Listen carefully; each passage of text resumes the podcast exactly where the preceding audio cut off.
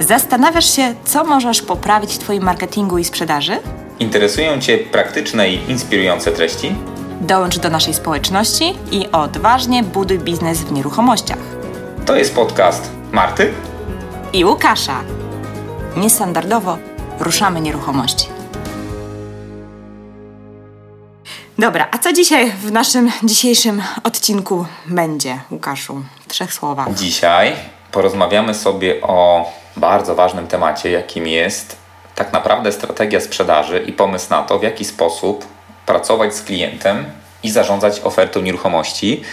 I tutaj podzielimy się z Wami pewnego rodzaju schematem, który jest autorstwa Marty, który składa się z dziewięciu punktów. My sobie omówimy, podzielimy te dziewięć punktów na trzy odcinki. W każdym z odcinków omówimy trzy punkty. I kiedy zaraz o nich usłyszycie, to zobaczycie, że wpisują się tak bardzo fajnie w oczywistą strategię sprzedaży, którą każdy agent powinien stosować. Może powiesz coś więcej, Marto? Tak, tak. Muszę powiedzieć, że to jest taki model, który wypracowałam wraz ze swoim zespołem. I powiem szczerze, pomimo, że może jest oczywisty, myśmy naprawdę bardzo dużo czasu na tym spędziły, żeby to wszystko poukładać i, mm, i zebrać w jakąś taką logiczną całość. I model, model nazywaliśmy Dr. House, bo tak się nazywa moja e, agencja, a doktor dlatego, że, e, że tak nawiązuje do e, medycznych historii, bo cały model się nazywa Anatomia Sprzedaży. I zrobiliśmy Anatomia taki... sprzedaży. Anatomia sprzedaży, tak. I podzieliliśmy tą anatomię sprzedaży na trzy właśnie takie główne punkty. I może powiem, jak one się nazywają. To jest anatomia rynku. To będzie nasz pierwszy dzisiejszy odcinek. O tym dzisiaj to, to rozwalimy anatomię rynku mhm. dzisiaj. W kolejnym odcinku opowiemy Wam o anatomii marketingu, a w kolejnym, w trzecim odcinku z tego cyklu rozłożymy na czynniki pierwsze anatomię porządku. Brzmi to tajemniczo, ale niedługo będzie wszystko jasne. Okiem. Marty? I Łukasza. Co nowego, Łukaszu, ostatnio przeczytałeś ciekawego? Wiesz co? Nie wiem, czy przeczytałem, nadal jeszcze czytam taką książeczkę Kreatywność SA Droga do prawdziwej inspiracji. To jest książka napisana przez prezesa studia Pixar i Disney, który nazywa się Ed Catmull. I ta książka głównie opowiada o tym, w jaki sposób pobudzać kreatywność. I Ed dzieli się prawie kilkunastoletnim doświadczeniem, podając tak naprawdę w jaki sposób stworzył środowisko, które wyzwala kreatywność. I takie dwa kluczowe elementy, na które mm, kładzie nacisk, to po pierwsze wolność, a po drugie indywidualność. I pokazuje na bardzo wielu przykładach, również takich mm, negatywnych, związanych z tym, że kilka filmów, nawet takich kasowych mu nie wyszło, w jaki sposób y, ludzie mogą uwalniać swoją kreatywność, jeżeli tylko dadzą, damy im taką wolność i pozwolimy im na indywidualne wyrażanie się w swoim miejscu pracy. A, a, on pisze dokładnie, pisze, znaczy podaje jakieś konkretne przykłady, co ma na myśli wolność? W sensie, jak tworzy te warunki? Bo w ogóle ja mhm. też czytam coś o wolności, więc akurat fajnie się składa, no ale, mhm. ale jestem ciekawa, jak on to opisuje. Wiesz co, głównie to tak naprawdę się sprowadza do otwartej komunikacji, do um, otwartości na informację zwrotną e, mhm. i do tego, żeby zagospodarować przestrzeń w taki sposób, mówię tutaj o przestrzeni biurowej, żeby żadne elementy nie stanowiły barier właśnie w otwartej komunikacji. Czyli tak naprawdę z jednej strony stanowiska tych ludzi i przestrzeń jest zaaranżowana według ich własnych wyobrażeń i tego, co tak naprawdę mhm. jest im bliskie, a po drugie w ogóle nie ma barier komunikacyjnych, nie ma struktury na przykład hierarchicznej, co pozwala, że zarówno taki szeregowy pracownik, jak i na przykład prezes Pixara jest w stanie ze sobą się spotkać na korytarzu i porozmawiać. To są takie teoretycznie szczegóły. Czyli co, nie, nie ma stanowisk, że, że wiesz, pięcia się w podrabieńce? Nie, nie, nie, nie. Super, super. Czyli wszyscy są równi. Taka trochę demokracja. Trochę tak, trochę tak, no. E, no i najważniejsza rzecz jest taka, że to mi bardzo się spodobało, jego przesłanie, które jest jedne z wielu. Bądź twardy w intencjach, a miękki w celach. To jest mhm. trochę wbrew temu, co dzisiejszy biznes mówi, bo dzisiejszy biznes jest nastawiony cele, cele, cele, wyniki, a on tak naprawdę mówi, że w kreatywności chodzi o coś innego. O to, żebyś był skoncentrowany na tym, co chcesz osiągnąć, czyli ta Twoja intencja jest najważniejsza, natomiast to, czy ten cel finalny będzie czarny czy biały, to już tak naprawdę ma drugorzędne znaczenie. Musisz być twardy w swoich intencjach, być zdeterminowany i tutaj mocno się koncentrować, a ten cel prędzej czy później przyjdzie. Więc mhm. to takie bardzo inspirujące. Czyli realizacja, tak? Czyli tak, trochę właśnie w myśl tej mhm. zasady ważna jest droga, a nie to, co na końcu ciebie czeka, nie? Ciesz się drogą, dokładnie. Super. W ogóle akurat się zgraliśmy, bo ja też czytam teraz książkę o wolności, e, tylko że jest to książka o wolności dzieci. Nie? Ale myślę, że wiele rzeczy można po prostu świetnie przełożyć na, na życie e, w ogóle generalnie. Jest to książka Summer Hill. E, to jest taka szkoła, pierwsza szkoła, która powstała w 1921 roku w Anglii, mhm. gdzie założyciel tej szkoły, on był profesorem psychologii, który wcześniej pracował z dziećmi w normalnych szkołach i tak dalej, i tak dalej. Ale założyciel tej szkoły wysunął taką śmiałą tezę, że jak się da dzieciom wolność, jeżeli będą wychowywane w tym, w takim poczuciu wolności, to one same odnajdą swoją drogę i jak już odnajdą i będą wiedzieć, czego chcą, to po prostu, wiesz, prosto do celu, nie? I bez mhm. problemu sobie radzą w życiu. No i była to taka eksperymentalna szkoła. Na początku tam do tej szkoły posyłane były tak naprawdę dzieci, które już wyleciały z kilku innych szkół i nigdzie sobie tak naprawdę nie radzili i generalnie jak rodzice już nie mieli nadziei, mhm. to Summer Hill po prostu na takiej zasadzie. I co się okazuje, że faktycznie tam, tam oni stworzyli taką społeczność demokratyczną wśród tej dzieci.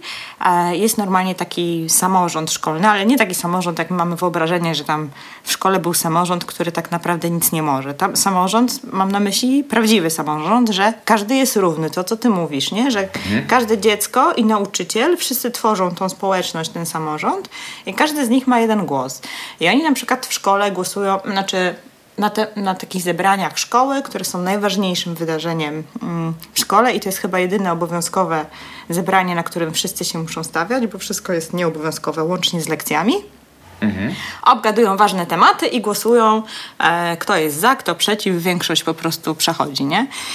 I powiem Ci szczerze, że dużo takich rzeczy tutaj, e, to co pisze ten, ten, ten człowiek na temat psychologii dzieci, jak one się odnajdują w tej społeczności, to wszystko jest po prostu coś niesamowitego. I tak naprawdę on pisze tak, że wolne, nie ma czegoś takiego jak trudne dziecko, czy trudny nawet dorosły. Tak?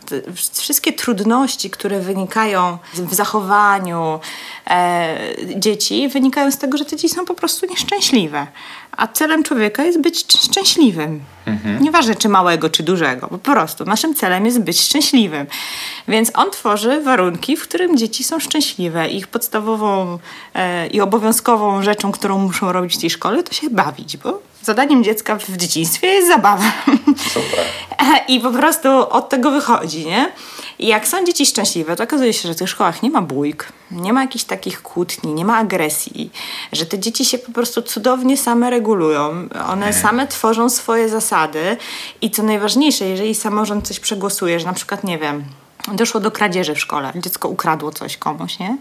To po prostu e, samorząd przegłosował karę dla takiego dziecka. Karą było zwrot tych pieniędzy, plus musiał z tygodniówki oddawać drugie tyle. Mhm. I one się tego trzymają.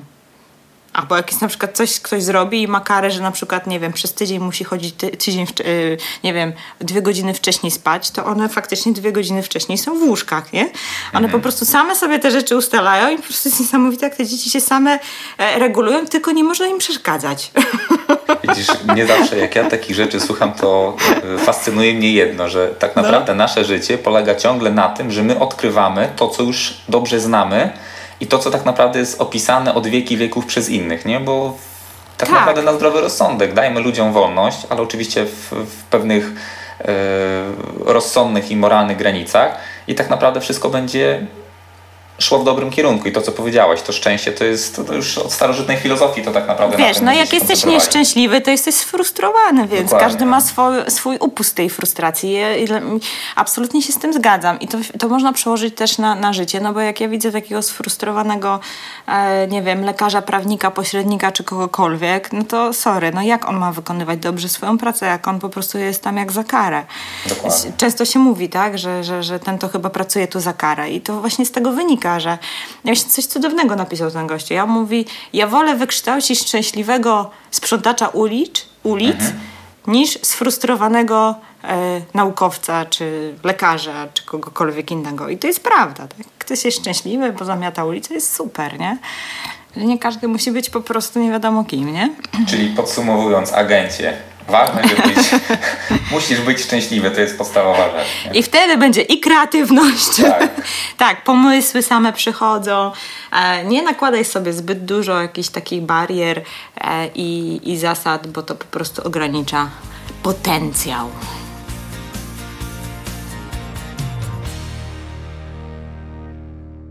Anatomia rynku. Anatomia, Anatomia rynku. rynku. Każdy z tych odcinków tak jakby składa się z trzech kolejnych punktów. I tutaj mamy pierwszą rzeczą, jak masz, przyjmujesz nieruchomość na sprzedaż, niezależnie jaka to, jaka to nieruchomość jest, czy to jest działka, dom, mieszkanie, lokal, cokolwiek, to pierwszą rzeczą, jaką trzeba zrobić, to opanować rynek. To może jeszcze tylko tak wtrącę, że ta anatomia rynku, tak jak tu mamy zapisane, ona się składa z tych trzech punktów, tak? Opanuj rynek, określ klienta mm. i oszacuj cenę. Tak. Tak. Okay. tak. Pierwszą rzeczą to trzeba opanować rynek. I co mam tu na myśli? Musisz zobaczyć, co w ogóle dzieje się w danym temacie, w, danej, w zależności od tego, jaka to jest nieruchomość. Przyjmijmy, że jest to mieszkanie, bo będzie chyba najłatwiej nam mówić y, jako o przykładzie. Czyli mhm. musimy zobaczyć, co jest w danym momencie na rynku, o podobnych parametrach, o podobnej lokalizacji. Jednym słowem, to jest tak jak każda firma, która chce wprowadzić jakikolwiek produkt na rynek, najpierw bada konkurencję. Co my mamy na tym rynku? Ja w ogóle mam takie podejście do, do tematu tej sprzedaży, nie wiem, czy się ze mną tutaj Łukasz zgodzi, że e, bardzo często e, spotykam się z tym, że my zapominamy, że tak naprawdę nieruchomość jest po prostu produktem w naszych rękach. Jest jak, jak po prostu działaniem jak każdej, każdej firmy, tak? Czyli e, jeżeli jakakolwiek jakakolwiek firma produkcyjna chce cokolwiek prowadzić na rynek, to po prostu zaczyna od badania rynku. I to jest w ogóle pierwsza czynność, jaką robimy, czyli sprawdź konkurencję, co jest dostępne, co się w ostatnim czasie sprzedawało, w jakich cenach, e, co jest na portalach, masz dostęp, współpracujesz z rzeczoznawcą, e, dowiedz się, co tam w tym danym rejonie ostatnio się sprzedawało, czy się w ogóle sprzedaje, czy się nie sprzedaje, bo od tego, te, od tego będą zależeć kolejne kroki, jaką sobie strategię założysz. Także mm, bardzo, bardzo ważna rzecz, rzecz, jeżeli chodzi o pierwszy krok, tak? I zanim na przykład pójdę ja na... Tutaj dodam, bo... Mhm. No, Mogę, no, bo jasne, tak naprawdę jasne. powiedziałaś o tym produkcie i faktycznie jest tak, że mam wrażenie, że my pośrednicy czy agenci za mało myślimy o nieruchomości w kategoriach produktów. To trochę ma swoje uzasadnienie w tym, że jednak produkty, które są typowo sprzedawane na rynku, one co do zasady są jednorodne, prawda? Bo jeżeli sprzedajemy, nie wiem, telefony komórkowe, czy telewizory, czy cokolwiek, to one są jednorodne w zakresie swojego modelu. Nieruchomość nie jest produktem jednorodnym i to może powodować, że niekoniecznie łatwo nam myśleć o tym, e, o, o, nieruchomości właśnie w kategoriach produktu, co nie zmienia faktu, że jeżeli wchodzi na rynek wśród portali ogłoszeniowych i portale są takim sklepem, to tak naprawdę potencjalni klienci wybierają spośród produktów danej kategorii i ta nieruchomość musi być faktycznie czymś, co się wyróżnia tak. na rynku. I jeszcze tylko dodam, w tym pierwszym punkcie, jak Pani napisałeś, opanuj rynek, sprawdź konkurencję, to też taka podstawowa zasada. Polecam tutaj słuchaczom książkę um, Wojujący marketing. To jest książka już tak naprawdę guru marketingu, którzy napisali wcześniej pozycjonowanie. I oni w tej książce mówią bardzo jasną rzecz, że dzisiejszy marketing to jest marketing skierowany na konkurencję. Kiedyś był skierowany na produkt, potem na klienta, a teraz tak naprawdę jest skierowany na konkurencję, więc sprawdzenie tej konkurencji, tego co się dzieje na rynku, e, nawet wykonanie takiej analizy konkurencyjności jest absolutną podstawą, żeby iść dalej.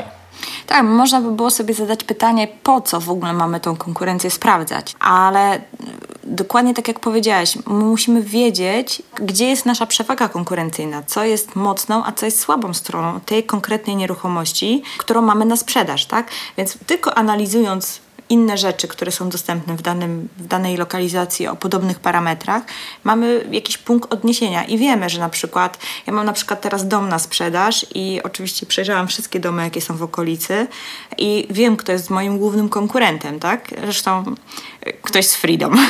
Pozdrawiamy. Pozdrawiamy. To tak jakoś tak dziwnie się dzieje, ale to, co zamierzam teraz zrobić, to właśnie się skontaktować z tą osobą i po prostu e, porozmawiać, czy nie możemy w jakiś sposób e, wspólnie pokazywać w danym rejonie, jeżeli do niej trafi klient, co ogląda taki dom, żeby od razu pokazał też mój dom, tak? Bo, i tu, bo zdaje się, że i wy macie na wyłączność, ja mam na wyłączność na dom, więc tutaj od razu się też kroi jakaś fajna współpraca potencjalna, mhm. ale ta osoba jeszcze o tym nie wie, ale do niej zadzwonię. Niedługo. Jeszcze tylko dodam, w tym punkcie opanuj rynek w zakresie konkurencji jest jeszcze bardzo fajna sprawa, która jest istotna z punktu widzenia agenta, ponieważ jeżeli agent zna bardzo dobrze rynek i zacznie komunikować się z klientem, na przykład podczas pozysku, prezentując, jaką ma świadomość na temat rynku, jaką ma wiedzę na temat głębokości tego rynku, cen i tak to już w tym momencie buduje swoją przewagę nawet ku temu, żeby pozyskać umowę na wyłączność, bo analiza rynku to tak naprawdę jest jeden z elementów, do których nie ma dostępu właściciel. On tak naprawdę ma dostęp tylko do tego, co jest na portalach. My, jako agenci, mamy dostęp do całego przekroju rynku. I to jest taki fajny mechanizm, na który można opierać w ogóle swój schemat pozyskowy, schemat pracy z ofertą. Dokładnie. Analizując ten rynek, przynajmniej ja sobie ciągle zawsze zadaję takie pytanie.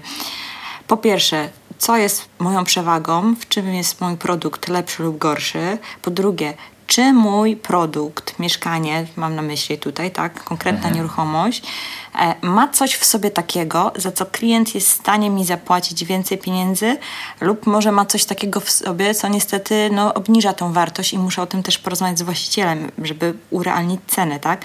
Więc po prostu porównując też z innymi tymi nieruchomościami dostępnymi w danym momencie na, na rynku, jesteśmy w stanie sobie odpowiedzieć, e, co to takiego jest, tak? I też możemy później użyć właśnie argumentów w rozmowie z klientem, jeżeli przejdziemy do kolejnego punktu, gdzieś tam na końcu, do szacowania ceny. To są wszystko wszystko elementy, które mhm. później to jest jak takie puzzle, tak? Układanka, którą składamy.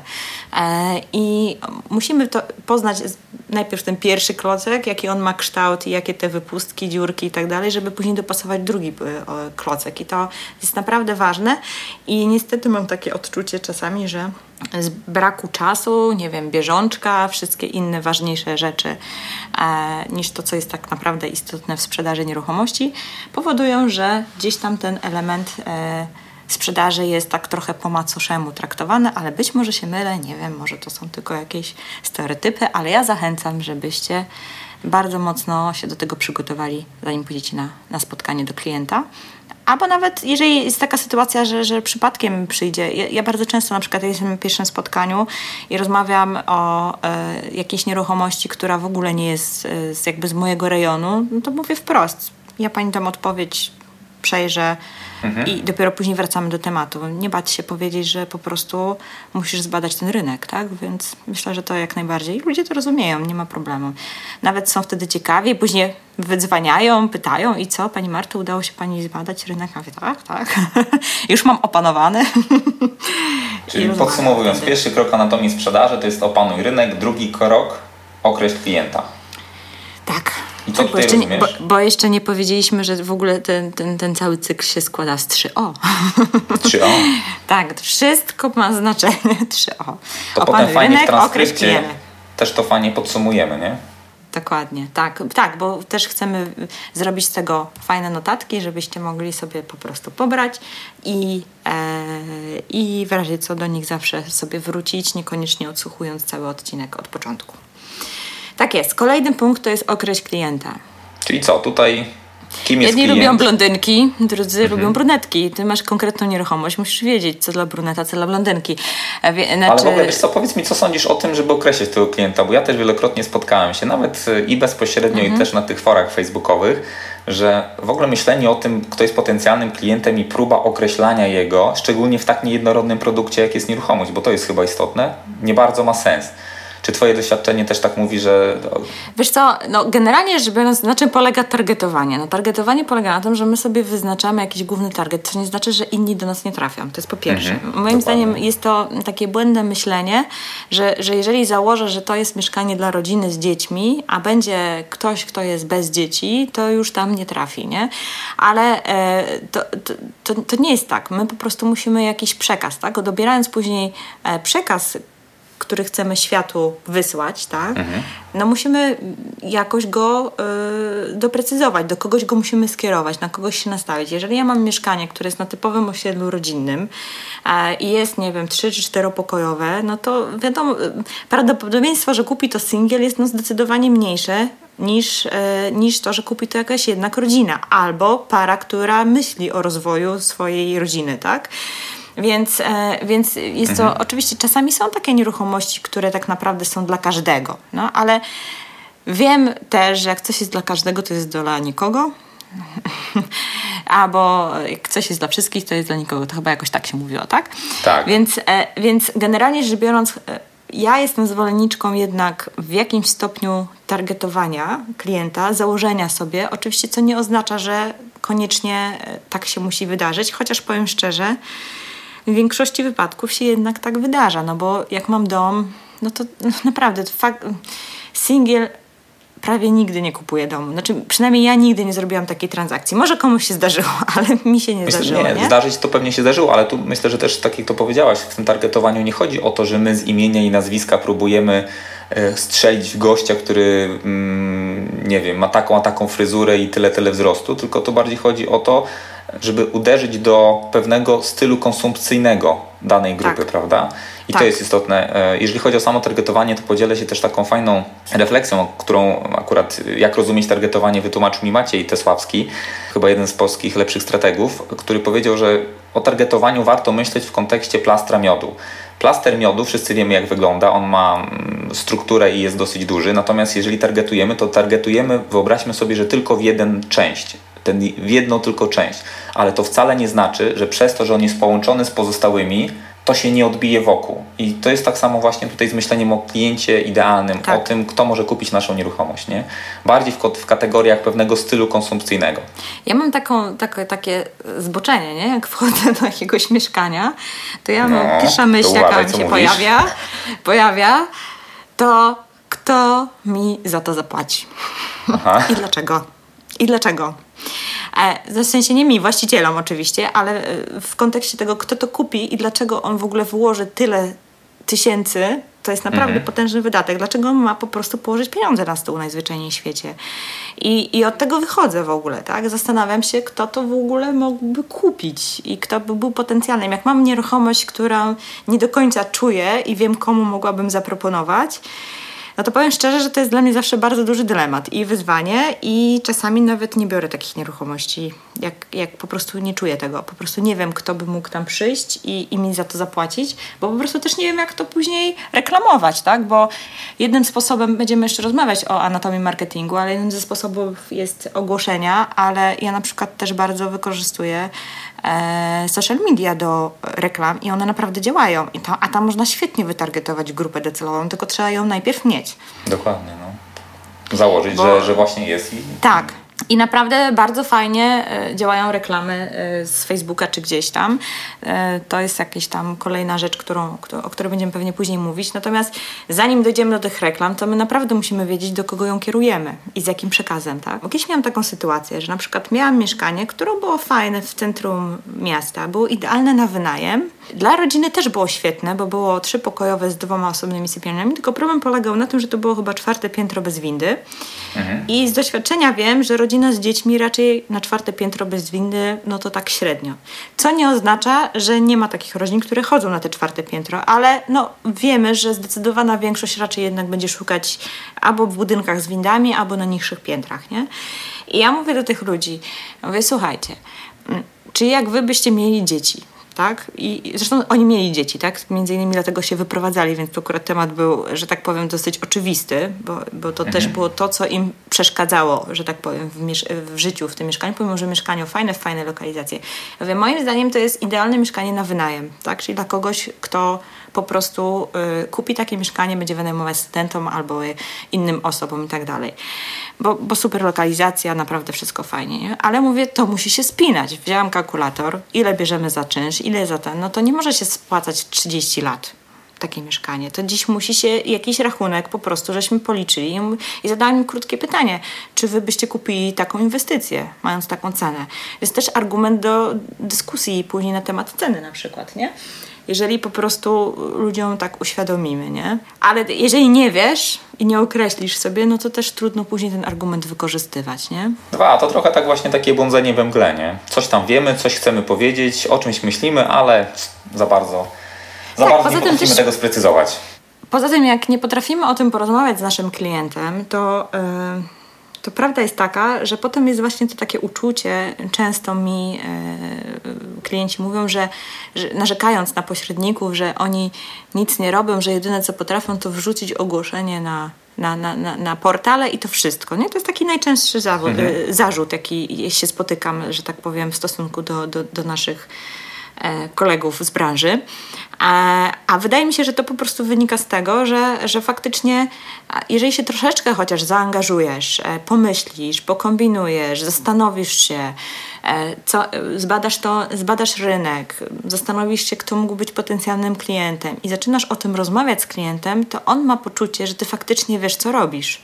I to jest naprawdę szalenie ważne, bo to buduje zaufanie i to buduje właśnie tą bardzo cenną relację pomiędzy e, pośrednikiem a E, klientem, gdzie on w pewnym momencie może na początku jeszcze będzie taką brał poprawkę, może z rezerwą i tak dalej, ale w pewnym momencie ci zaufa i będziesz naprawdę miał super współpracę i on przestanie nawet szukać, przestanie podpisywać umowy z kolejnymi biurami, będzie chciał współpracować z tobą, dlatego naprawdę warto podjąć ten wysiłek i, i trochę pomyśleć, sprawdzić i zbadać rynek i, i zastanowić się, kto jest klientem e, docelowym i po prostu o tym porozmawiać z właścicielami.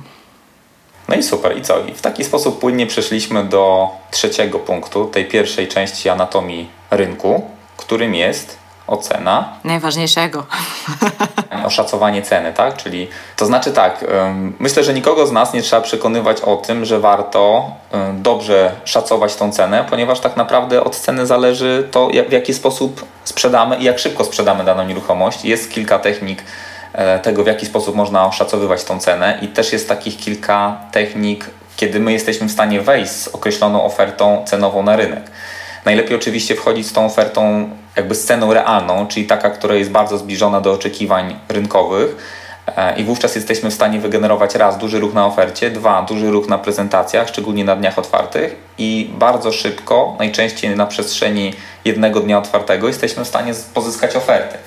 Natomiast większość, niestety, zarówno klientów, jak i też agentów przyjmuje tą strategię, że niestety zaczyna od tej ceny mocno przeszacowanej, nie? Po to, żeby no, na dwa tygodnie, na miesiąc sprawdzić, co się stanie, a potem ewentualnie tą cenę obniża. A to jest trochę strzał w kolano. Ja myślę, że to głównie wynika z problemu agentów, że oni w ogóle boją się rozmawiać o cenie, bo rozmowa o cenie, jak i rozmowa o wyłączności i dalej rozmowa o prowizji, to są trzy takie najtrudniejsze tematy, nie? Bo przychodzimy od razu do kogoś jako profesjonalista i mówimy mu na wstępie, że ta cena podlega korekcie. I tak naprawdę wygodniej wówczas powiedzieć, że ok, akceptujemy, drogi właścicielu, cenę, którą wystawiłeś, ale po miesiącu będziemy ją obniżać. Nie? To ja tutaj bym polecał od tak. razu rozmawiać z właścicielem o cenie, żeby ona była jak najbardziej realna. Ja pamiętam jeszcze, jak pracowałam e, w jakimś tam biurze i zaczynałam, to, i, i, no wiadomo, chodziło się na te pozyski, jak się chodziło. Często to były takie spędy, że tak powiem, pośredników, gdzie właściciel mhm. jednego dnia po prostu siadał i, i, zapraszał wszystkich. Tam w ogóle nie było żadnej przestrzeni nawet do dyskusji i często pamiętam, że jeszcze nie dość, że nikt nie obniżał tej ceny, to jeszcze się dopisywało prowizję do tej ceny. Czyli na przykład strategia była taka, Standard. że coś kosztowało 300, tam 20 tysięcy, moja prowizja tam jest 20, to my wystawimy za 340, pana to nic nie będzie kosztować.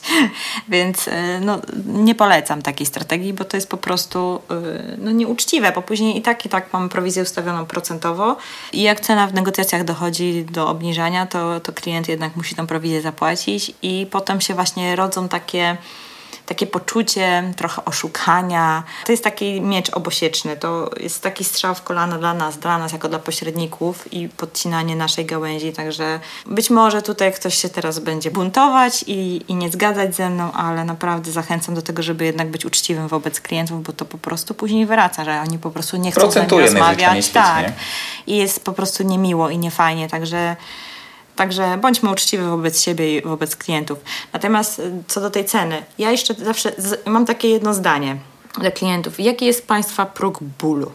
Jaka mhm. jest cena taka najniższa, która jeszcze Państwa satysfakcjonuje, do której załóżmy możecie zejść po negocjacjach, nie? I staram się zawsze wystawiać po tej cenie.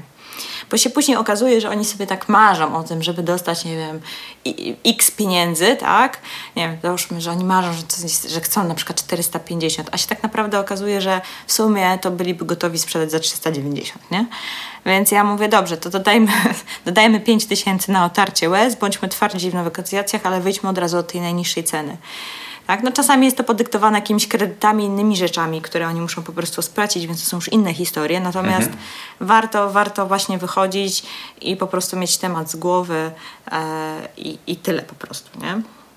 Też często na przykład ludziom wyliczam, tak, ile stracą czekając x miesięcy czy lat, na, na tym, że nie wykorzystają tego kapitału pieniędzy, który jest zamrożony w tym, w tym mieszkaniu najzwyczajniej w świecie, a ile, a ile dzięki temu, że sprzedadzą szybciej, jeżeli dadzą taką realną cenę, będą mogli zyskać nawet wrzucając to na jakieś oprocentowane rachunki czy lokaty, nie? Dokładnie. To jest po prostu wszystko tak. się da po prostu policzyć najzwyczajniej w świecie. Jak ja czasami siadam z kalkulatorem z klientem, to oni są w szoku, nie?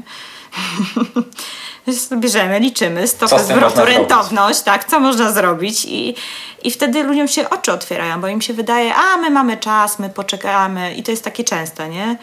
Nam się nie spieszy, nie? Także ten, tylko że, że później jak sobie uświadamiają, ile tracą tak naprawdę czekając, to, to może się okazać, że, że wcale nie warto czekać, żeby dostać te 20 czy 30 tysięcy więcej, nie? Mhm. Ja tak może podsumowując, jeżeli jeszcze mówimy o szacowaniu ceny, to tutaj moglibyśmy wyróżnić takie dwa punkty. Z jednej strony to jest ustalenie tej takiej ceny pierwszej, a z drugiej strony potem jest tak naprawdę określenie takich cech kolejnych ofertowych. I tak naprawdę warto zadbać, aby jakby ta cena z jednej strony zachęcała kupujących do kontaktu, ale z drugiej strony gwarantowała właścicielowi optymalną wartość, jaką on może uzyskać ze sprzedaży.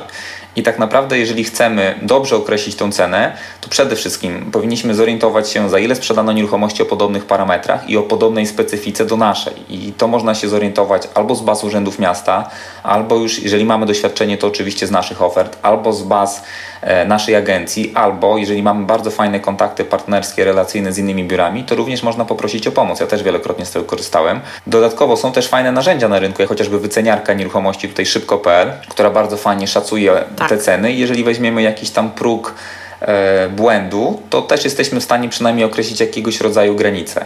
Więc to są takie narzędzia, którym możemy się posługiwać. Plus jeszcze oczywiście możemy skorzystać z doświadczenia notariusza czy doradcy finansowego, albo tak jak mówiłem, bazy współpracujących biur. I to jest ten pierwszy element do określenia takiej pierwszej ceny ofertowej, z którą możemy wejść na rynek. Tak.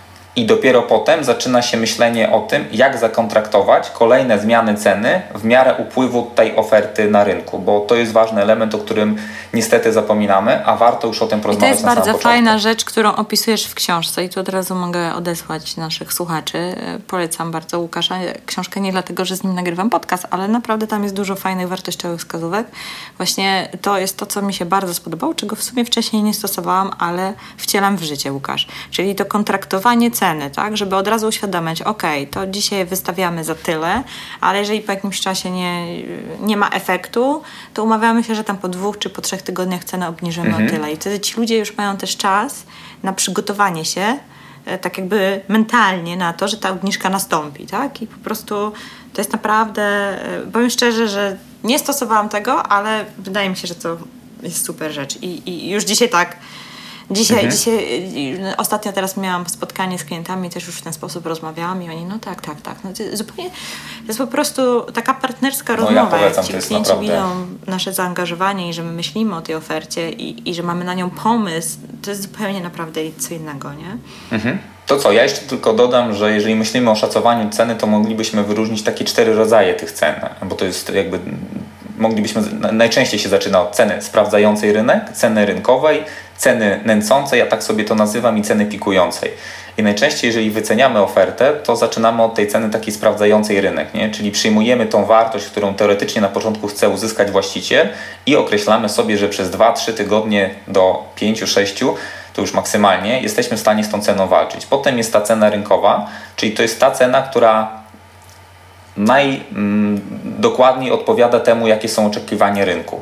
Kolejna cena to jest cena nęcąca, która jest ustawiona w okolicach 2-3% poniżej tych realnym oczekiwaniom rynku i wtedy to jest o tyle dobra strategia, że teoretycznie dla właściciela wystawiamy ofertę nawet z ceną niższą niż oferty konkurencyjne, ale przez to generujemy większy ruch na ofertę, mamy większą liczbę zapytań i jesteśmy w stanie bardzo szybko sfinalizować transakcję. I ostatnia ta cena to jest cena pikująca, czyli taka, która bardzo mocno jest zaniżona. No i to powoduje, że ona budzi podejrzenia już wśród kupujących i często też te oferty z jednej strony mogą być przeszacowane, to są te na górze, a z drugiej strony mogą być niedoszacowane i też nie cieszą się zainteresowaniem. Ja tu jeszcze tylko dodam, że a propos tej ceny takiej troszeczkę zaniżonej, w momencie, gdy stosujemy tą strategię i mi się już tak zdarzyło, e, zrobić dzień otwarty, gdzie de facto po dniu otwartym były złożone dwie oferty i uzyskaliśmy mhm. cenę taką normalną, o te 2-3% wyższą.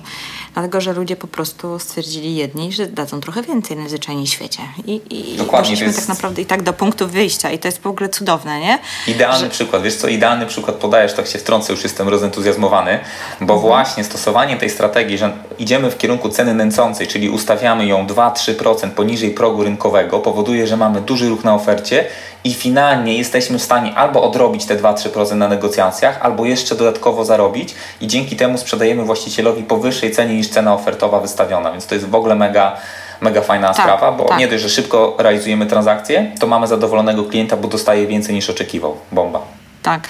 Oczywiście nie zawsze się da to zrobić, natomiast jeżeli mamy takie mm, najbardziej popytowe nieruchomości, najbardziej takie e, mieszkania najszybciej zbywalne, no to zazwyczaj bez problemu można ten efekt uzyskać, nie? Wiadomo, że jeżeli mamy gdzieś na obrzeżu miasta albo w jakiejś wsi jakiś dom, gdzie tam po prostu ten popyt, w ogóle sam popyt na, na, na takie, tego typu nieruchomości w tym miejscu jest naprawdę niewielki, no to pewnie będzie trudno to uzyskać, żeby, żeby wywołać taką trochę e, wojnę ofert, nie? Mhm, mhm, natomiast, natomiast jeżeli mamy jakąś taką nieruchomość typową, nie wiem, no w Gdańsku to są zazwyczaj mieszkania tam 40-50 metrów, dwu maksymalnie trzypokojowe w dobrych lokalizacjach i, i wtedy bez problemu można to zrobić. Naprawdę to działa. Przetestowane. Fajnie powiedziałaś, wywołać wojnę ofert. Już sobie zanotowałem. Myślę, że też ciekawy materiał na jakiś wpis albo podcast. Ale tak podsumowując, czyli te pierwsze trzy elementy anatomii rynku to opanuj rynek, określ klienta i oszacuj cenę. I tym tak naprawdę takimi trzema kluczowymi e, elementami jesteśmy w stanie zamknąć tą pierwszą część pracy nad ofertą. Dokładnie tak. I, I gwarantuję Wam, że jak zaczniecie pracować w takim jakimś schemacie i, i wcielać te rzeczy w, w życie i co najważniejsze, będziecie komunikować o tym, komunikować, powtórzę to słowo, swoim klientom, właścicielom tych mieszkań, e, Wasze przemyślenia i wnioski z analizy, z określenia klienta i z oszacowania ceny, bo to się wszystko pięknie spina w całość, to gwarantuję Wam, że nie będzie problemu po pierwsze a z negocjacją tej ceny y, taką, żeby ją urealnić a, i będziecie mieli oferty, które są sprzedawalne, a nie które wiszą na portalach. E, gwarantuję Wam, że zdobędziecie większe zaufanie i naprawdę ogromna, ogromna, duża szansa na to, że podpiszecie wyłączność. Także to są takie kluczowe rzeczy, bo po prostu ci ludzie będą wiedzieć, że, że wy wiecie, o czym mówicie, tak? Najzwyczajniej w świecie, nie? Podczas gdy tam cała reszta e, pośredników przyjdzie i po prostu zrobi zdjęcia no, od niechcenia i podpisze umowę, wrzuci na portal, wy po prostu zabłyśniecie. Stuprocentowo. I tu też jeszcze Dodam jeden bardzo ciekawy element, e, taki czysto praktyczny w pozyskiwaniu umów na wyłączność, że często kojarzy się, żeby pozyskiwać umowy na wyłączność, to trzeba mieć cały arsenał różnych argumentów, które będą odpowiadały na obiekcje klienta. Tymczasem dobrze poprowadzona prezentacja, kiedy tak naprawdę pokazujemy temu klientowi, czego on nie wie, a co my wiemy, już powoduje, że wyłączność jest potem tylko naturalną konsekwencją tego, jak przedstawiamy klientowi nasz pomysł na sprzedaż nieruchomości. On tak naprawdę już sam wie, że to jest jedyna droga i my nie musimy wtedy posługiwać się argumentami, że wyłączność to to, to, tamto, tylko pokazując mu, jak rozumiemy rynek, jak tak naprawdę określamy klienta, jak patrzymy na konkurencję, wreszcie jak stosujemy narzędzia, żeby oszacować tą cenę i pokazać nieruchomość jako produkt, on automatycznie rozumie, że my jesteśmy idealnym partnerem do tego, żeby tak. sprzedać jego ofertę w tym modelu na wyłączność. Muszę powiedzieć, że to jest, e, że to jest tak, bo ja na dzień dzisiejszy tylko na wyłącznościach pracuję i i mało tego, powiem więcej. Praca na wyłącznościach wcale nie oznacza, że musicie być idealni, tak? To w ogóle jest chyba już kolejny temat zahaczamy, Łukasz. No, Musimy no. o tych wyłącznościach też pogadać. Słuchaj, ja patrzę Ale... na zegarek. Ale tylko skończę. Nie musicie być idealni, bo ja często mówię, że nie jestem cudotwórcą, tak? I jakiś... Jak nie pozadałam wszystkich rozumów, jeżeli chodzi o sprzedaż nieruchomości. Natomiast ja po prostu myślę, analizuję i pracuję z ofertą. I jak wy pokażecie im swoje zaangażowanie, że po prostu chcecie dać coś więcej, to w ogóle nie ma problemu. Moi drodzy, i tym sposobem kończymy tą pierwszą część anatomii sprzedaży, skoncentrowaną na anatomii rynku, gdzie są trzy punkty, to znaczy opanuj rynek, określ klienta i oszacuj cenę. Myślcie o tym i działajcie szczególnie w zakresie tych trzech obszarów. My po tym naszym odcinku stworzymy transkrypt, który jeszcze pokaże narzędzia, jakich, z jakich możecie korzystać, pracując na każdym z tych trzech obszarów, a w następnym odcinku omówimy anatomię marketingu, gdzie poruszymy te trzy kolejne elementy, czyli dobre, e, dobierz narzędzia, dobierz przekaz i dobierz media. Ja tylko do tego zakończenia dodam, że bardzo, bardzo zachęcamy Was do tego, żebyście pisali, e, pisali na, na blogu, na Facebooku, gdziekolwiek komentarze, ale przede wszystkim, jeżeli cokolwiek wcielicie w życie z tego, co powiedzieliśmy przed chwilą, to dajcie nam znać, jak to działa, bo myślę, że, że takie prawdziwe historie są najfajniejsze, dlatego czekamy na Wasze komentarze i opinie. Ja jeszcze tylko dodam, że jak będziecie komentować, to pamiętajcie, że ja z Martą jesteśmy członkami, zwolennikami takiej organizacji Stop Haterom, więc jeżeli będą tego typu akcje, to nie będziemy tego publikować. Tak, będziemy kasować. Po prostu e, chcemy stworzyć miejsce, e, po to to nagrywamy, żeby, żeby się wspierać nawzajem, a nie hejtować, więc e, po prostu dzielcie się swoim doświadczeniem, ale nie oceniajcie innych, jak ktoś popełnia jakieś tam rzeczy, które Wam się nie podobają, to po prostu zostawcie komentarze dla siebie. Czyli co? Żegnamy się i zapraszamy do następnego odcinka. Mówili do Was Marta Baczewska-Golik i Łukasz Kruszewski.